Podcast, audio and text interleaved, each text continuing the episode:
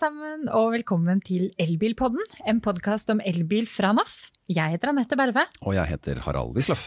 Du Harald, dette er en episode vi vel aldri trodde vi skulle spille inn. Det kan man si.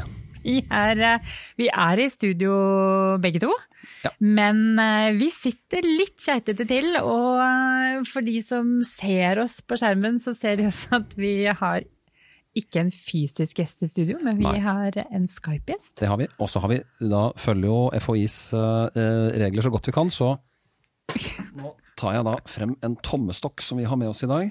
Og sørger for da at vi har Ja, det er i hvert fall bortimot, jeg vil si dette er bortimot uh, to meter, så dette bør være innafor.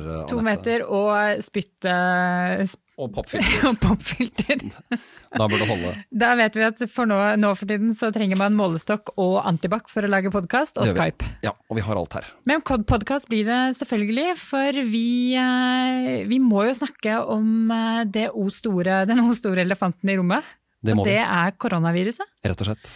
Det er eh, et virus som eh, påvirker vår arbeidshverdag mye, men vel så mye så påvirker det bilbransjens eh, hverdag. I høyeste grad. Og Peter Aam, du er jo redaktør i bladet Motor. Og du har jo skrevet en artikkel, eller flere artikler denne uka, du og dine kolleger, om hvordan koronaviruset påvirker bilbransjen. Og Peter, hva er det som skjer der ute nå for tiden? La meg si først at det er hyggelig å se dere. eh, At dere er i arbeid eh, selv om det er spesielle tider. Um, Ja, jeg tror eh, det er mange som spør seg hva som skjer i bilbransjen. Og det er langt unna dem som kan gi noe godt svar. Eh, Dette er jo en bransje som normalt er god på planlegging, god på strategier og god på frister. Men nå tror jeg det er veldig, veldig mange som er i villrede om hva som skjer, og hvilken strategi som er klok. I tillegg til at jo begynner å bli en akutt krise eh, likviditetsmessig for mange i denne bransjen. Du har snakka med norske importører, altså de som sitter her ute og er den forlengede armen til villprodusenten. Hva, hva sier de norske importørene? Nei, de, de, de prøver jo rett og slett å få en oversikt over hvordan eh, En ting er nybilsalget, eh, som er, hvor det er minst én X i ligningen.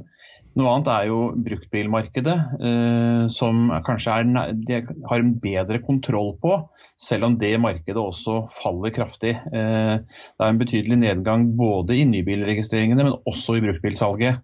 Eh, Men eh, når det gjelder nybildelen, så er det jo slik at norske bilimportører jo, er jo prisgitt det som kommer fra utlandet. Eh, Det er ingen, det er ingen, det er ingen bilprodusenter som tenker Norge som et primærmarked når de lager biler.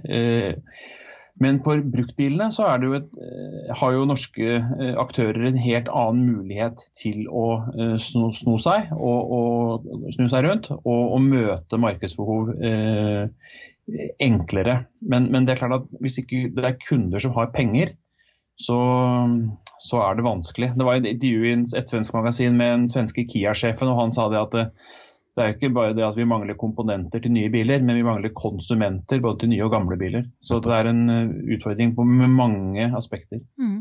Hvis vi tar eh, stengte fabrikker som kanskje det første eh, O store som virkelig påvirker eh, hverdagen vår. Vi ser jo at noen stenger fabrikkene sine, mens andre holder åpent. Hva er status eh, der, Peter? Nei, Nå har det jo, status er at de begynner å åpne fabrikkene igjen i Kina, eh, mens de stenger dem ned i, i Europa. I hele Europa er det stengt. De aller fleste av fabrikkene også i USA er stengt. Det er ikke, det er ikke like absolutt, men de fleste, de fleste store fabrikkene i USA er stengt. Og ingen vet når de åpner igjen. Og så er det klart at Én ting er bilfabrikkene som sådan, noe annet er leverandørindustrien. Og leverandørindustrien i bilbransjen den er ekstremt stor, og det er en kompleks eh, materie.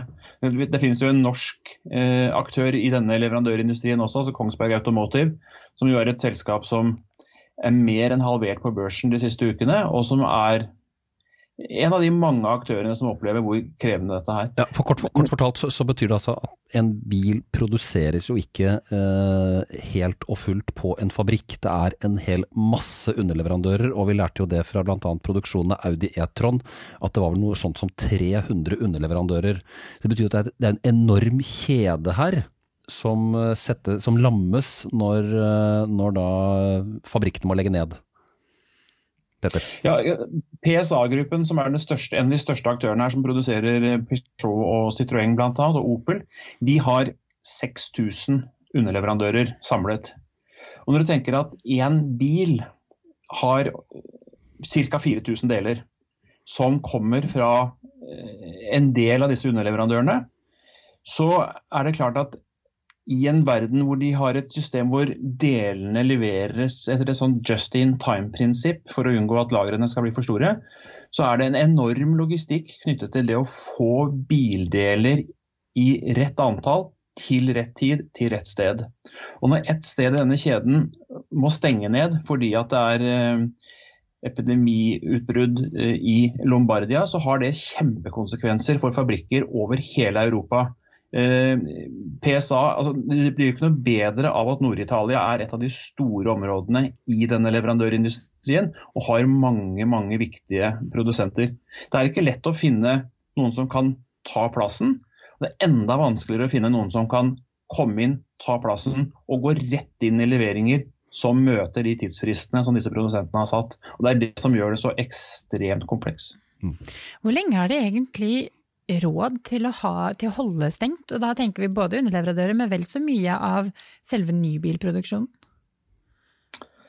Det er fryktelig krevende å si. Eh, nå er det, bil, Bilindustrien er de store talls lov. Eh, sånn at eh, dette, det er en industri med, med store penger, men de pengene renner jo ut i strie strømmer når de ikke de har kjøpere. Sånn at det, det, er, det, er, helt umulig å si hvor lenge de kan holde på. Spørsmålet er bare hva gjør de?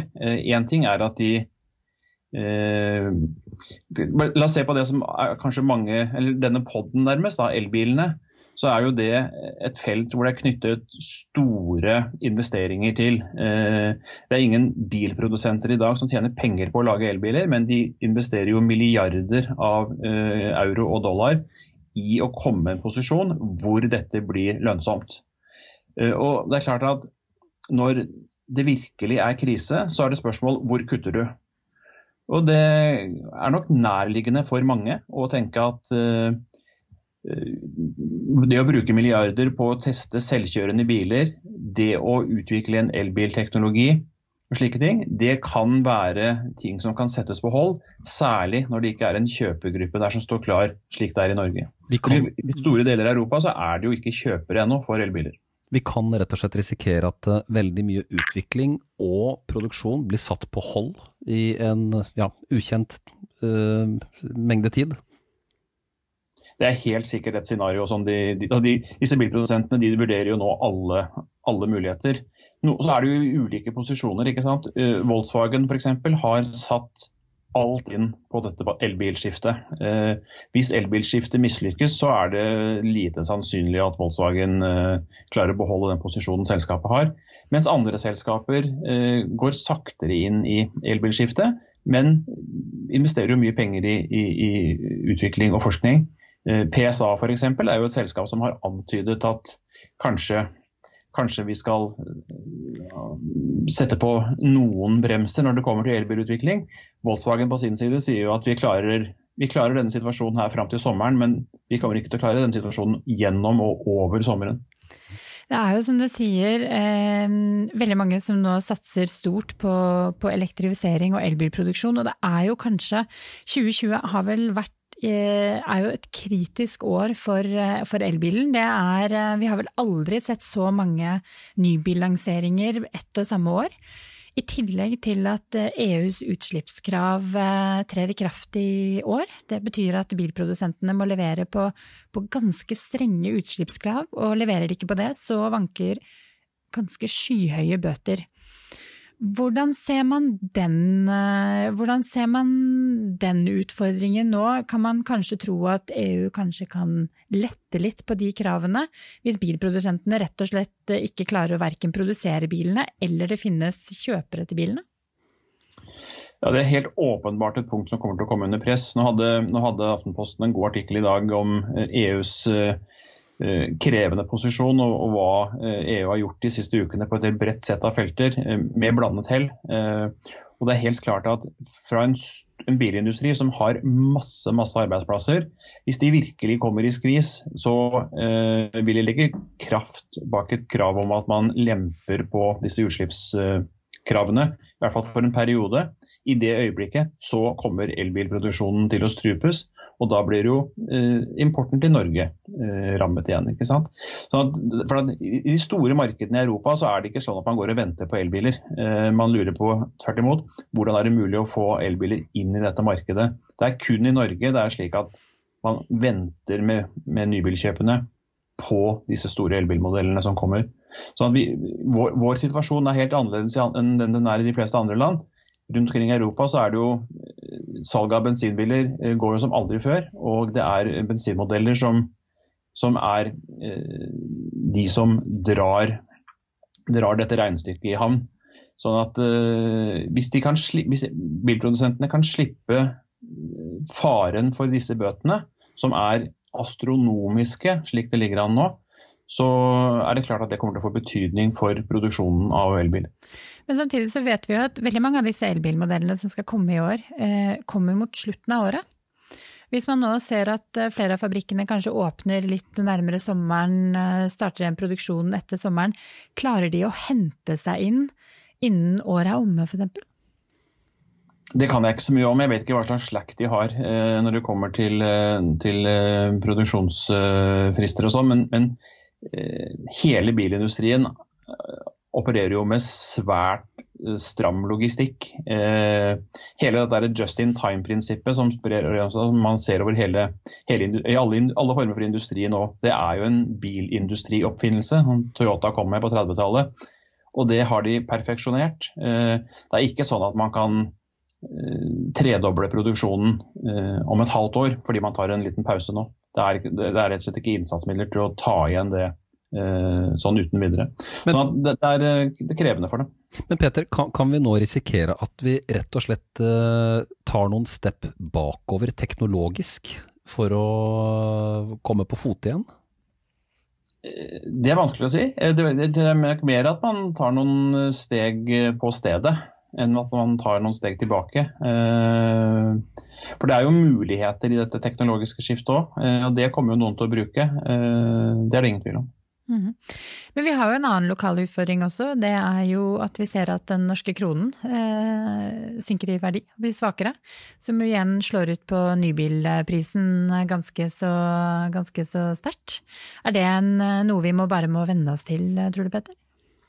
Jeg er ingen valutaekspert, men, men klart at høyere nybilpriser vil jo føre til at, eh, at uh, bruktbilene blir mer attraktive. Uh, for de aller fleste av oss vil jo en tre år gammel bruktbil gjøre god nytte. Sånn at det er klart at det, det er mange muligheter i bruktbilmarkedet som er, som er attraktive for folk.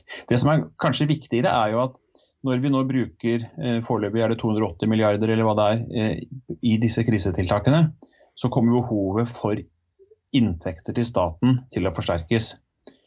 Så Enn så lenge så har vi jo vært i en situasjon hvor vi har tillatt at bilavgiftene halveres uten at, man, uten at noen trekker i bremsen. Det kommer ikke til å fortsette. Det kommer til å være et behov i Norge for å få inn penger til staten i de neste årene. Det er ikke sikkert at man kommer til å fortsette å frede elbilen. Eh, på noen måte. Tvert imot så er det kanskje like mer sannsynlig at man forserer introduksjonen av avgifter på elbilene. Og Det vil jo igjen ha effekt på hvor raskt dette skiftet skjer. Selv om man kanskje også kan se for seg et scenario hvor de øker generelle bilavgifter i det hele tatt. Det, det kommer til å bli veldig det kommer til å en veldig kattepinne hvordan de skal få disse pengene inn igjen. Er, eh, men jeg, jeg frykter at det er nærliggende at eh, bilavgiftene er, en, er noe de ser på. Så kort fortalt, du tror at bilavgiftene kan øke raskere enn det politikerne opprinnelig hadde tenkt seg, rett og slett for å få penger inn i kassa igjen etter at man har blødd mye i tiltak i en krisetid? Altså, for syv-åtte år siden så var bilavgiftene, altså inntekt, Statens inntekter fra bilavgiftene var på over 70 milliarder. Nå er de på 2-43 milliarder i året. Det er at det gapet eh, var lettere før koronakrisen. Sånn at eh, det er klart at De vil se på de mulighetene. Men samtidig så er det slik at hvis de innfører høye avgifter på elbilene nå, så blir jo alle pengene de har brukt på å få denne teknologien inn i markedet, det blir jo senere veldig rart ut.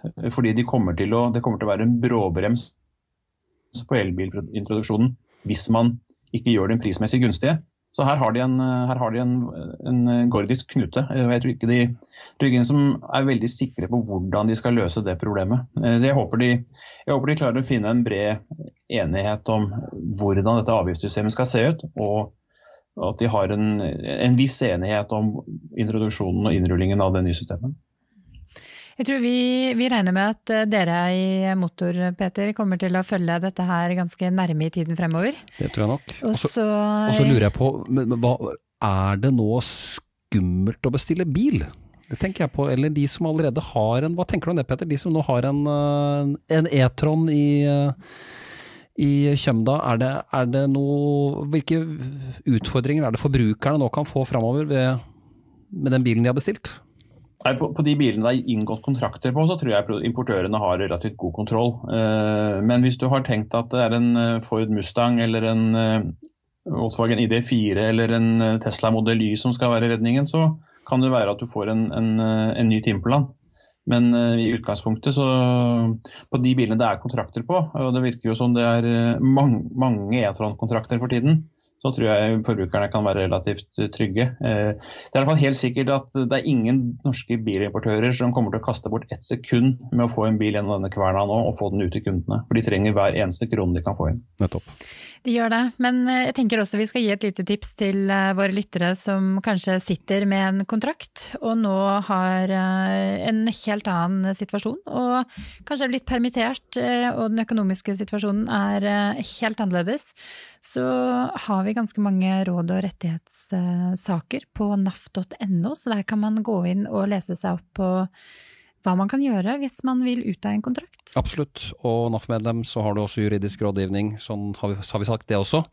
Eh, og dere i Motor følger jo også saken tett her med forbrukersaker på hva som skjer eh, fremover.